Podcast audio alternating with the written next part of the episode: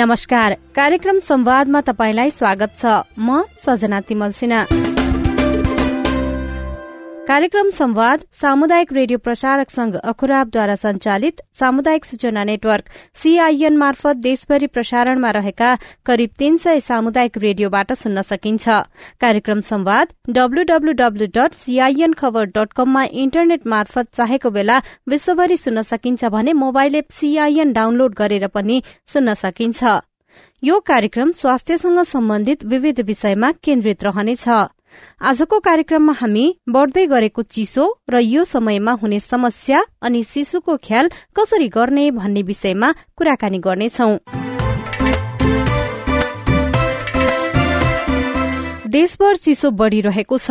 पछिल्लो केही दिन यता देशभर न्यूनतमसँगै अधिकतम तापक्रम पनि घटेर चिसो बढ़िरहेको हो।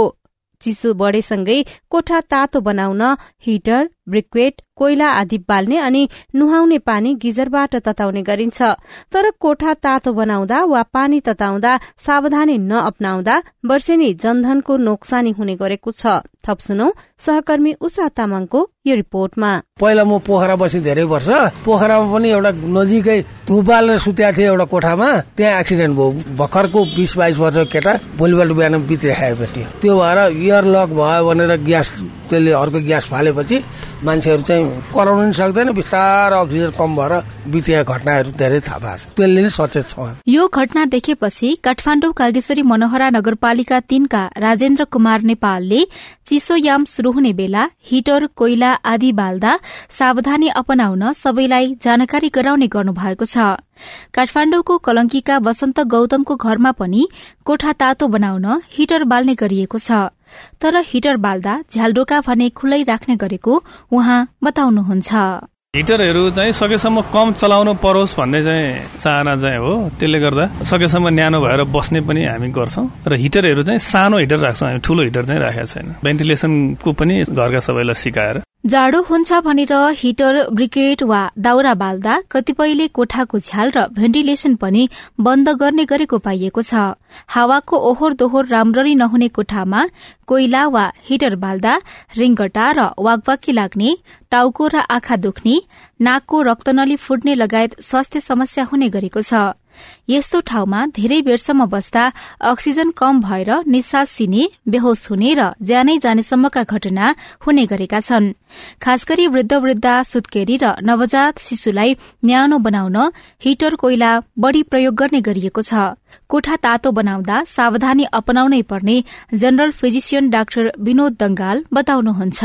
हिटर अथवा कोइला बालेर बच्चालाई अगाडि राख्नु हुँदैन। त्यो राख्दाखेरि चाहिँ धेरै तापक्रम हुने बित्तिकै बच्चाको शरीरमा असन्तुलन भई मृत्यु पनि हुन सक्छ त्यो बच्चाको हकमा सावधान रहनुहोस्। तर वयस्क अथवा बुढाबुढीको हकमा चाहिँ प्रयोग गर्न मिल्छ खुला ठाउँमा बसेर गर्न मिल्छ छोटो समयको लागि प्रयोग गर्न मिल्छ तर केही दूरी मिलाएर चाहिँ प्रयोग गर्न सकिन्छ। पानी तताउने ग्यास गिजरलाई सुरक्षित बनाउन मेसिनलाई खुल्ला ठाउँमा जडान गरी पाइपबाट तातो पानी बाथरूमसम्म ल्याउनुपर्छ हिटर ब्रिकेट कोइला बाल्दा कस्ता कुरामा ध्यान दिने भन्ने बारेमा पुलचोक इन्जिनियरिङ कलेजको विद्युतीय विभागका वरिष्ठ प्रशिक्षक गणेश दत्त जोशीको सुझाव यस्तो छ। चाहिएको पानीलाई पहिले तताउने तताइसकेपछि के गर्ने त प्लग थुत्दिने अनि युज गर्दाखेरि हामीलाई कुनै पनि दुर्घटना हुने सम्भावना हुँदैन। रड टाइपको हिटर छ भने त्यसले हिट ट्रान्सफर डाइरेक्ट टाढा टाढा गर्न सक्दैन होइन? त्यसको लागि पनि नजिकै राख्यो भने फेरि पानी पोखिन्छ र हामीलाई दुर्घटना हुने सम्भावना हुन्छ होइन? पानी चाहिँ तपाईँले केही न केही अलि टाढा भए पनि राख्ने अलिकति भेन्टिलेसन हुनै पर्छ जाडोको बेला सबैले न्यानो खोज्नु स्वाभाविक हो। त्यसमा पनि ज्येष्ठ नागरिक बाल बालिका सुत्केरी दीर्घरोगी लगायतलाई जाडोबाट अझै बचाउनुपर्छ। शरीर तताउन हिटर ब्रिकेट कोइला बाल्नु भन्दा तातो र झोलिलो खानेकुरा खाने न्यानो कपड़ा लगाउने लगायतका उपाय अपनाउनु उत्तम हुने डाक्टरको सुझाव छ। कोठा तताउँदा ख्याल नगर्दा ज्यानै जान सक्ने भएकाले सचेत हुनुपर्ने सम्बन्धी यो रिपोर्ट सुनेपछि अब चिसो मौसममा शिशुको स्वास्थ्यको कुरा गरौं। चिसोमा नवजात शिशुको रेखदेख कसरी गर्ने भन्ने विषयमा जानकारी दिँदै हुनुहुन्छ आयुर्वेद विज्ञ डाक्टर बुद्धि प्रसाद पौडेल। अब यो शिशुहरू बडो संवेदनशील हुन्छन्। अब जन्मेको अठाइस दिनसम्मको शिशुको एउटा छ।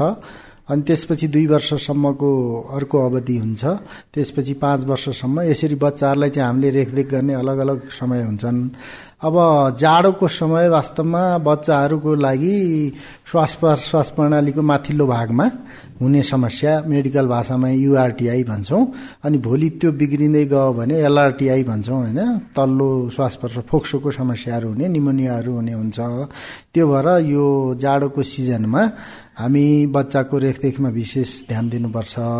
अब चिसो भनेर फेरि धेरै गुम्स्याउने अथवा धेरै चाहिँ अब हिटर बाल्ने आगो ताप्ने अथवा लामो समय घाममा राख्ने त्यस्तो भयो भने पनि पसिना आउने। पसिनाले फेरि तपाईँको त्यो तात पसिना आउने क्रम रोकिएपछि त्यसले आउने चिसोले अर्को समस्या गर्छ। अनि लामो समय तातोमा आगोमा राख्दाखेरि पनि तपाईँको सुखा शरीर सुक्खा हुने हामी डिहाइड्रेसन भन्छौँ होइन? पानीको मात्राको कमी हुने हुन्छ। अनि त्यसपछि अब धुवा हुने अब गाउँघरतिर तपाईँको यो ब्रिकेट कोइला अथवा आगा दाउरोहरू त्यस्तो बाल्यो भने त्यसले पनि तपाईँको धुवाको कारणले अरू समस्या हुन्छ। त्यो भएर चाहिँ हामीले चाहिँ अब सबभन्दा राम्रो त आमालाई के अरे आमाको काख नै बच्चाको लागि राम्रो हो। आमाको न्यानो जुन कङ्गारू केयर भनेर हामी भन्छौँ त्यसरी चाहिँ न्यानो गरी आमाले राख्दा अब त्यो कामकाजी महिलाहरूलाई त्यो सबै कुराहरू सम्भव हुँदैन होइन? तर चाहिँ हामीले यो तातो पार्ने क्रमलाई पनि अलिकति विचार गर्नुपर्छ। अब कोठालाई धेरै तातो पार्ने अब त्यो तातो पार्ने मेथड के हो होइन? त्यो अनुसार कहिलेकाहीँ अब अक्सिजनको कमी हुने अर्को समस्या हुन्छ तातोले मात्रै पनि फाइदा भएन। भेन्टिलेटेड रुम हुनुपर्छ होइन? हामीले समाचारहरू सुन्छौँ। गुम्सिएर चाहिँ जाडोको समयमा धेरै चाहिँ नराम्रा समाचारहरू पनि आइरहेका हुन्छन्। त्यसपछि अब यो बच्चाको स्याहार गर्दाखेरि अब जाडो सिजनमा चिसोको प्रभाव हावा चिसो हुन्छ। अनि त्यसपछि अब रुगा लाग्ने होइन? रुगा अब बच्चाले अब ठुलो मान्छेले जस्तो रुगा लाग्यो रुगा लागेपछि अब रुगा अलि सन्चो भएपछि सिँगान खकारहरू नाकको पछाडि टाँसिएर बस्या हुन्छ। अनि त्यो चाहिँ तपाईँको बच्चाले निकाल्न सक्दैन ठुलो मान्छेले जस्तो खोकेर अनि उल्टी गर्ने समस्या हुन्छ। अनि त्यसपछि त्यसरी चाहिँ रुगा लगाएको बेला बच्चाहरूको धेरै जसो नाक बन्द हुने होइन? अनि नाक बन्द भएपछि सास फेर्न गाह्रो हुने अरू समस्या हुने अनि त्यसपछि मुखले सास फेर्ने मुखले सास फेर्दाखेरि घाँटी सुक्खा हुने अनि त्यो घाँटी सुक्खा भएपछि बच्चा आत्तिने निसासिया भए जस्तो गर्ने त्यस्तो पनि समस्या हुन्छ होइन? अब यी सबै कुराहरूलाई चाहिँ हामीले केयर गर्नुपर्छ जाडोको सिजनमा। अनि अब मेन त अब जाडोको सिजनमा अप्पर रेस्पिरेटरी ट्र्याक भनेको नाकबाट सुरु हुने हो। अब त्यो नाकसँगै कान पनि जोडिएको हुन्छ होइन? घाँटी जोडिएको हुन्छ। अनि त्यसपछि त्यसरी नाकमा लामो समय समस्या भयो भने कान पाक्ने पनि समस्या हुनसक्छ होइन? अब त्यो भएर यी सबै कुराहरूलाई ध्यान गरेर आमाहरूले चाहिँ बच्चाको स्याहार गर्नुपर्ने हुन्छ। अब यसको लागि तपाईँको अहिले अब अलिकति आमाहरू आधुनिक हुँदाखेरि बच्चाको इम्युनिटी कम भएको छ होइन? अब जस्तै बोटल फिडिङ गराउने होइन? जस्तै हाम्रो चाहिँ राष्ट्रिय पोलिसी नै छ महिनासम्म चाहिँ ब्रेस्ट फिडिङ गराउने आमाको दुध अमृत समान भन्ने छ होइन? त्यसमा चाहिँ बच्चालाई चाहिने सबै खालको पौष्टिक तत्त्वहरू प्लस तपाईँको जुन हामी इम्युनिटी भन्छौँ रोग प्रतिरोध क्षमता बढाउने खालका कुराहरू पनि आमाको दुधमा पाइने त्यस्तो पोसिलो दुध नखुवाएर आमाहरू आधुनिक बनेर बोटल फिडिङ गर्छन्। त्यो पनि तपाईँको रेस्पिरेटरी समस्या ल्याउने। होइन हामीले कोभिडको बेला पनि धेरै सुन्यौँ इम्युनिटीको धेरै कुराहरू भए। भनेपछि जबसम्म हामीसँग रोग प्रतिरोध क्षमता राम्रो हुँदैन त्यो बेला चाहिँ हामीलाई रोग लाग्ने बढी सम्भावना हुन्छ होइन? अब चिसोकै प्रभाव पर्ने अथवा अरू इन्फेक्सनहरू हुने कुराहरू पनि तपाईँ इम्युनिटी कम भएपछि हुन्छ। त्यो भएर बच्चालाई हामीले अहिले अहिले आएर समस्या भनेको अब सानो बच्चा त ब्रेस्ट फिडिङमै हुन्छ त्यो माथि बोतल फिडिङ गराउने हुन्। अरू अलि ठुलो एजको बच्चा भइसकेपछि फास्ट फुड जङ्क फुडहरूमै बच्चाहरू धेरै खाने। अब सानो बच्चा मात्रै नभएर अलिक घरमा बा आमासँग बाहिर जाने भइसकेपछि नि बच्चाहरू चाहिँ आफूले खाना तयारी खानुभन्दा पनि प्याकेट बजारबाट सप्लाई गरिएका खानाहरू खाएर अब युवा अवस्थामै नहुनुपर्ने धेरै रोगहरू भइरहेछन् होइन? त्यो अनि ठुलो मान्छेमा पनि त्यस्ता खालका हामी नसर्ने रोग भन्छौँ। होइन त्यसको सुरुवात अथवा बिजारोपण हाम्रो चाहिँ यो खानपिन जीवनशैलीबाट भएको छ होइन? त्यस्तो कुराहरूमा चाहिँ हामी सतर्क हुने अब स्वस्थकर खाना खाने स्वस्थकर वातावरणमा बस्ने अनि त्यस्तै तपाईँको स्वस्थकर सोच हुनुपर्ने अथवा त्यो ठुलो मान्छेको हकमा भयो। अब सानो बच्चाको हकमा चाहिँ हामीले चाहिँ मेन चाहिँ अब breast feeding number one number two चाहिँ घरको इन्भाइरोमेन्ट होइन? अब चाहिँ अब अप्पर रेस्पिरेटरी ट्र्याकरको यो दुईवटा कुरा भन्छौँ कि हामीले। एउटा प्रिसिपिटेटिङ फ्याक्टर भन्ने हुन्छ जसले त्यो चाहिँ रोग गराउँछ होइन? अर्को एग्रिभेटिङ फ्याक्टर भन्छौँ बढाउने र गराउने। दुई थरी कुराहरूबाट बचाउनु पनि अर्को सुरक्षा हो होइन? जस्तै चाहिँ धुवा धुलो चिसो खार होइन? यस्तो कुरोहरूबाट बचाउनु पर्यो। अनि त्यसपछि तपाईँको अब चिसोमा एक्सपोज नगराउने अथवा चाहिँ धेरै तातो पनि नगराउने खालको कुराहरू गरेर बच्चाको स्याहार गर्नुपर्ने हुन्छ। उनीहरूलाई टाइमली फिडिङ गराउनु पर्ने हुन्छ। त्यसपछि अब कपडाहरूको प्रयोग गर्दा पनि अब तपाईँको अहिले हामीले अब सिन्थेटिक कपडाहरू बढी प्रयोग गरिरहेछन् मान्छेहरूले होइन?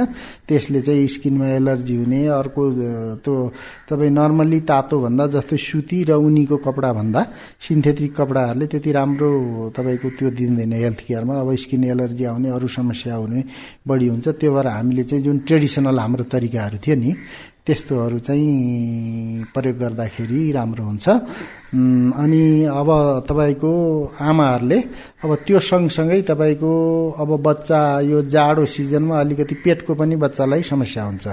होइन यो भाइरसले हुने डाइरिया होइन रोटा भाइरस भन्छौँ हामी मेडिकल भाषामा त्यस्तो भाइरल डाइरिया बढी हुने हुन्छ यो सिजनमा होइन? त्यो भएर चाहिँ अब त्योबाट पनि त्यस्तो डाइरियाहरूबाट बचाउनु पनि इम्युनिटी राम्रो हुनु पर्यो अनि त्यसपछि त्यस्तो खालको डाइरियामा खास चाहिँ त्यो सेल्फ लिमिटिङ हो। अब पानीहरू जस्तै हामी जीवनजल खुवाउँछौँ अरू जिङ चक्कीहरूको कुरा छ होइन? त्यस्ता कुराहरूले चाहिँ त्यो डाइरियालाई कन्ट्रोल गर्नुपर्ने। अब अहिले चाहिँ अब चिकित्सकको सल्लाह विशेषज्ञ चिकित्सक कहाँ नगइकन औषधि पसलबाट अब अन्धाधुन्दा रूपमा एन्टिबायोटिक औषधिहरू खुवाउने एन्टिडाइरियल औषधिहरू खुवाउने पनि छ। त्यसले पनि बच्चाको स्वास्थ्यलाई अलिक हानि गरिरहेको हुन्छ त्यो भएर जाडो सिजनमा श्वास प्रश्वास सँगसँगै रेस्पिरेट के अरे तपाईँको यो डाइरियल समस्या पनि हुन्छ। अब त्यो डाइरिया बढी भएपछि समयमा राम्ररी केयर गरेन भने होइन डाइरियालाई नै हामीले चाहिँ अब तिन भागमा बाँडेका हुन्छौँ माइल्ड मोडरेट सिभियर भन्छौँ भनेको चाहिँ। अलिक साधारण खालको मध्यम खालको र कडा खालको होइन। अब साधारण खालको हुँदाखेरि नै हामीले केयर गरेर पानीको मात्रा शरीरमा पुर्याइराख्यौँ। फेरि सानो बच्चाहरू भनेको धेरै खान सक्दैन होइन। उनीहरूलाई छोटो समयमा थोरै थोरै गरेर होइन बुन्द बुन्दले पनि थोपा थोपाले पनि राम्रो गरिरहेको हुन्छ त्यो सुरुमा त्यो केयर नगर्ने अनि डिहाइड्रेसनको अलिक सिभियर अवस्थामा भइसकेपछि अनि हस्पिटल जानुपर्ने हस्पिटलमा चाहिँ अनि नसाबाट पानी दिनुपर्ने। अब फेरि बच्चाको त्यति सजिलो हुँदैन अस्पतालमा पनि नसा भेटाउन गाह्रो हजुरहरूलाई थाहा छ होइन? अनि त्यसपछि डाक्टरहरूलाई पनि समस्या केयर गर्ने समस्या फेरि डाइरिया आफै फेरि तपाईँको कुपोषण निम्त्याउने एउटा कारक पनि हो। अनि त्यो कुपोषण भएपछि फेरि बच्चालाई चाहिँ तपाईँको इम्युनिटी कम हुने अनि इम्युनिटी कम भएपछि फेरि डाइरिया हुने त्यस्तो खालको। र त्यो डाइरिया मात्रै नभएर अरू इम्युन सिस्टममा पनि असर गर्छ। त्यो भएर हामी अब जाडो सिजनमा बच्चाको चाहिँ केयर गर्दाखेरि अब अलिकति अब हाम्रो फेरि यो आयुर्वेदमा के भन्छ भने यो स्तनपानमा तपाईँको आमाको दुधको गुणको पनि कुरा गरिएको छ कि? स्तन्य शोधक औषधिहरू भन्छ। अब हामी मोडल मेडि मोडर्न मेडिकल साइन्समा होइन आधुनिक चिकित्सा विज्ञानमा पनि तपाईँको कति औषधिहरू ब्रेस्टमा सिक्रिसन भएर आएर बच्चाले खाने हुन्छ कि? कति लाभकारी हुन्छन् कति हानिकारक हुन्छन्। त्यो भएर अलिकति सर्टेन औषधिहरू होइन अब जस्तै मरिच भयो अदुवा भयो तुलसी भए होइन यस्ता खालका औषधिहरूको सेवन पनि यो बेला राम्रो हुन्छ। तिनीहरूले पनि खोकीसोकी लाग्न नदिने त्यो हुने हुन्छ। अब धेरै जसो बच्चाहरूको चाहिँ कस्तो हुन्छ भने जाडो सिजनमा अलि नाक बन्द हुने रुगा लाग्ने अनि त्यसले अघि मैले भने जस्तै नाकको पछाडि पोस्ट नाजल ड्रिप भन्छौँ कि त्यतातिर सिँगानको लेग्राहरू थुप्रिने अनि बच्चालाई नाक सास फेर्न नि गाह्रो हुने प्लस त्यो घाँटीमा किलकिल गर्ने जहाँ हामी औँला हालेर चाहिँ बाहिर उल्टी गर्छौँ नि त्यस्तो ठाउँतिर गएर त्यो चाहिँ लेग्रा झुनिएपछि अनि बच्चाले उल्टी गर्ने हुन्छ। त्यो भएर हामीले चाहिँ त्यस्तोमा अब यो नाकको चाहिँ विशेष स्याहार गर्नुपर्छ बच्चाहरूलाई होइन? अब कस्तो चलन छ भने धेरै अब नुन पानी हाल्ने कडा खालको एकैचोटि नाक बन्द भएपछि त्यो औषधिहरू हाल्ने चलन छ होइन? हामीले त्यस्तो गर्नु पर्दैन। अब बच्चालाई चाहिँ पहिलो कुरो त तपाईँको राम्ररी अब जाडोको सिजनमा सधैँ नुहाउन नपाए पनि हामीले चाहिँ तपाईँको वेट अलिकति पुछ्ने खालको गरेर सफा गरिदिने र अनि त्यसपछि आयुर्वेदमा एउटा स्नेन भन्ने शब्द छ। त्यो भनेको चिल्लो पदार्थको प्रयोग गर्ने हो कि? चिल्लो पदार्थ आफैले तपाईँको न्यानो गराउने काम गर्छ जाडोमा बाहिर छालामा भने रेस्पिरेटरी ट्र्याकमा पनि तपाईँको नाकमा। विशेष गरिकन अब नाक बन्द हुने बच्चाहरूलाई जाडो सिजनमा अब हामीले अहिले त प्राय गरी यो काँचो दुधको घिउ प्रयोग गर्न थाल्यौँ होइन? काँचो दुधको घिउ र तपाईँको उमालेको दुधको घिउको गुणमा धेरै फरक छ क्या र जुन बच्चाहरूको लामो समय नाक बन्द हुन्छ त्यस्तोहरूलाई चाहिँ अब यो घिउ आफैमा एन्टी एलर्जिक पनि हो कि? एलर्जी हुन दिँदैन घिउले। त्यो भएर हामीले चाहिँ घिउ नखाने मान्छेहरूमा धेरै एलर्जी भएको हस्पिटलमा पाइरहेको हुन्छौँ। अनि त्यो त्यस्तो खालको घिउ तपाईँ हाम्रो नेपालमा पाउने ठाउँमा पनि नपाउने बनाइरहेछौँ होइन? होइन चरीचरण बन्द गरे त्यसपछि काम गर्ने युवाहरू विदेश गए अनि अलिअलि पढे लेखेका मान्छेहरू पनि हामी चाहिँ सहरतिर आएर बस्यौँ अनि बिरामीलाई त्यस्तो खालको सल्लाह दियो भने त्यो त पाउँदै पाउँदैन भन्ने पनि कुरा छ। अब यो मैले कसरी जोड्न खोजेँ भने त्यस्तो नाक बन्द हुने बच्चाहरूलाई हामीले चाहिँ शुद्ध गाईको घिउ उमालेको दुधको घिउलाई चाहिँ अब बच्चाको पहिला चाहिँ अनुहार नाक सफा गर्यो अनि त्यसपछि अब पाप्रा बसेको पनि कोट्याएर निकाल्नु मिल्दैन त्यसले सिङ गरेर पनि निकाल्न बच्चाले सक्दैन अनि त्यसपछि गाईको घिउ शुद्ध घिउ नाकमा अलिअलि लगाइदिने अनि एकछिन चाहिँ उत्तानो सुताएर त्यसपछि तपाईँ घोप्टी पारेर सुताइदिनु भयो भने त्यो घिउले आफै त्यो भित्रको फोहोर मैला नरम पारेर बच्चाले निकाल्छ। अनि उसले धेरै चाहिँ रिलिफ हुन्छ र अनि त्यसपछि त्यो श्वास प्रश्वास गर्न सजिलो हुन्छ। यस्ता साना साना विधिहरू छन् जसमा पनि हामीले एकैचोटि मेडिकलमा जाने अनि औषधि ल्याउने हाल्ने गर्छौँ। होइन अनि सामान्य खोकीहरू लायो भने होइन अब तपाईँको यो अब तुलसी अदुवा अब धेरै खुवाउनुहुन्न फेरि होइन अब बच्चा भनेको त धेरै सानो त्यो त अर्गान भर्खर विकास भइरहेको ब्रेनको पनि विकास भइरहेको हुन्छ होइन। त्यसपछि उनीहरूको खाने हामीले दुईवटा भन्छौँ कि अव्यहरण र जरण शक्ति भन्ने छ आयुर्वेदमा। एउटा भनेको खाना खान सक्ने शक्ति अर्को चाहिँ तपाईँको पचाउने शक्ति होइन। त्यो दुईवटा नै तपाईँको बच्चामा त कमजोर हुन्छ। उनीहरूको थोरै फुड इन्टेक पनि थोरै हुन्छ। त्यसै पचाउने पावर पनि त्यति राम्रो विकास भइसकेका हुँदैन। त्यो भएर हामीले खाना खुवाउँदाखेरि फ्रिक्वेन्टली थोरै थोरै खुवाउने होइन गर्छौँ भने त्यो औषधि पनि अब त्यसको डोज छ होइन? औषधिको पनि बच्चाको उमेर अनुसारको डोज हुन्छ। त्यो भएर अब जस्तै अदुवा अथवा तुलसीको पात खाने भनेर एकैचोटि धेरै खुवाइदियो भने त्यसले झन् उल्टो असर गर्छ होइन? त्यसको डोज चाहिँ अब रिकमेन्डेड जस्तै आयुर्वेद फिजिसियनहरू छ अथवा आयुर्वेद स्वास्थ्य कर्मीहरू जो हुनुहुन्छ उहाँको सल्लाहमा अब जो बडो चाहिँ डोजप्रति पनि हामी संवेदनशील हुनुपर्छ हेर्नुहोस् होइन? अहिले तपाईँ डेङ्गुको बेला सुन्नुभयो होला अब तपाईँको यो तपाईँको आयुर्वेदमा सोरस भन्ने एउटा औषधि हुन्छ कि जुन औषधि जडीबुटी हो त्यसको आफ्नै रस। त्योबाट निचरेर निकालेर खानुपर्ने त्यसको डोज चाहिँ शास्त्रीय हिसाब थोरै बताइएको छ। तर मान्छेले चाहिँ यो डेङ्गुको बेला तपाईँको यो के अरे मेवाको पातले ठिक हुन्छ भनेर अब गिलासका गिलास खाएर अनि त्यसपछि डाइरिया भएर टेको हस्पिटल भर्ना हुनेको लर्को लागेको थियो होइन? अब त्यस्तो पनि गर्नु भएन। त्यो भएर यस्तो कुराहरूमा आफूले प्रयोग गर्नुभन्दा पहिला अलिकति त्यो विषयमा सचेत हुने थाहा पाउने अनि त्यसरी प्रयोग गऱ्यौँ भने अब हामीले बच्चालाई धेरै सुरक्षा दिन सक्छौँ र ठुलो औषधि खुवाउने होइन? अब औषधि पनि तपाईँको सानो बच्चाहरूलाई अब जस्तै आठ वर्षसम्म बच्चाको ब्रेनको विकास भइरह भन्ने हुन्छ क्या हजुर? वृद्धि विकास भनेर दुईवटा टर्म छ होइन शरीरको वृद्धिसँगै अब विकास मेन्टल पनि त्यसरी विकास भइरहेको हुन्छ त्यो बेला हामीले अलिकति त्यो औषधिहरू भनेको त अलिक कुनै चाहिँ ब्रेनलाई अथवा ग्रोथलाई कतै न कतै असर गर्ने खालको साइड इफेक्ट दिने खालको औषधि। यदि हामी प्रिभेन्टिभ मेजरबाटै बच्चालाई ठिक पार्न सक्छौँ भने औषधिमा सकभर जानु हुँदैन।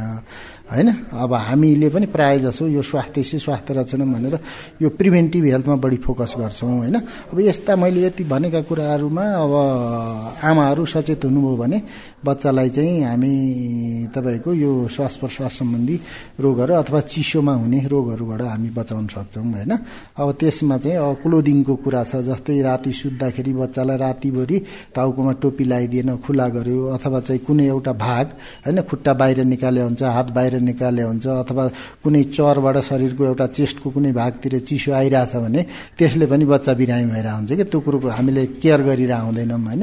त्यसरी गर्नुपर्छ र अनि यो तपाईँको तातो पार्ने भन्दैमा धेरै गुम्स्याउनु र धेरै जस्तै अहिले इलेक्ट्रिक हिटरहरू छ तिनीहरूको नजिकै राख्ने त्यो गर्ने चाहिँ त्यति राम्रो होइन।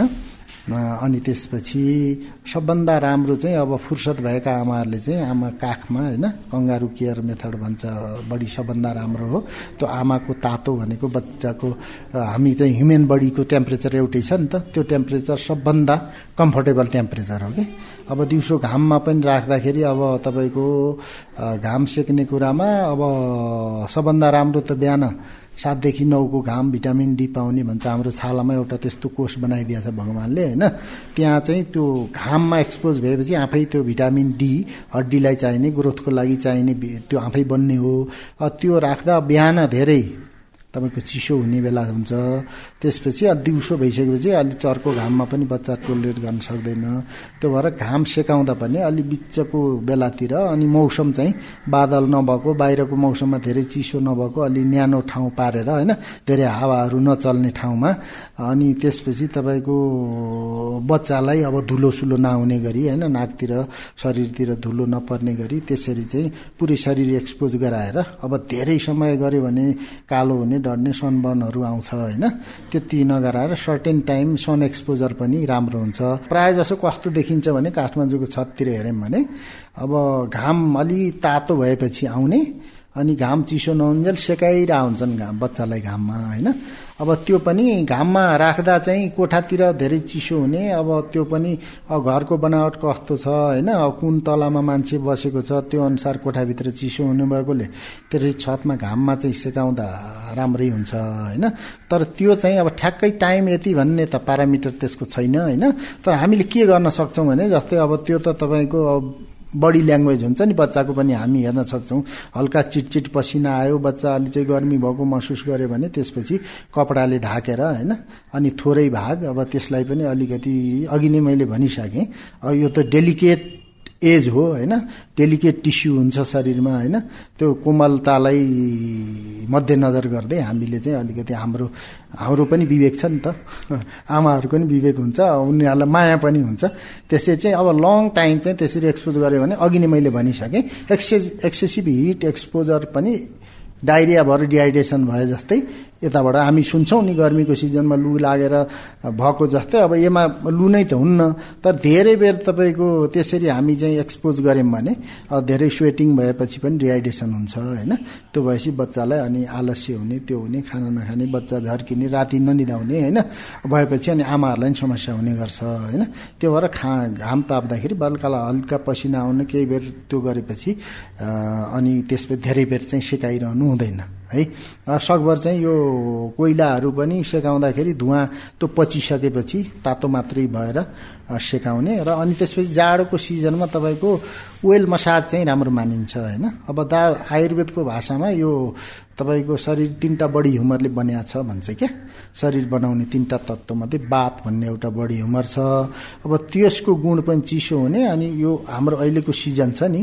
तपाईँ शिशिर बसन्त यो शिशिर र हेमन्त ऋतु चिसो हुने भएकोले अब त उस्तै गुण चिसो गुणले अरू बातलाई झन् बढाइदिने भएर अनि त्यसपछि समस्या आउँछ होइन? शरीर सुखापन हुने होइन? त्यस्तो समस्याहरूलाई बाट बच्नको लागि ओइल चाहिँ तेल चाहिँ सबभन्दा राम्रो मानिन्छ होइन? यो तेल पनि तपाईँको हामी कस्तोमा अहिले सबै कुरामा आधुनिक भएर हामीले चाहिँ अडचालिस सालतिर सत्तरी प्रतिशत असी प्रतिशतमा असी प्रतिशत मान्छे यो सरुवा रोग हुन्थ्यो भने अहिले नसर्ने रोग सत्तरी मान्छे प्रतिशत मान्छेलाई भएको छ होइन? त्यो आधुनिकताले हामीलाई स्वास्थ्य त्यसरी बिगारेको छ कि?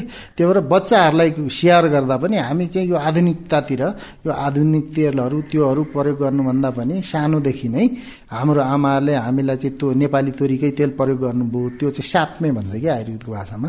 त्यो हाम्रो शरीरले पचाइसकेको छ। हामीलाई नाकमा त्यही राखिदिनु हुन्थ्यो आँखा काला हुन्छ भने आँखामा राखिदिनु हुन्थ्यो होइन?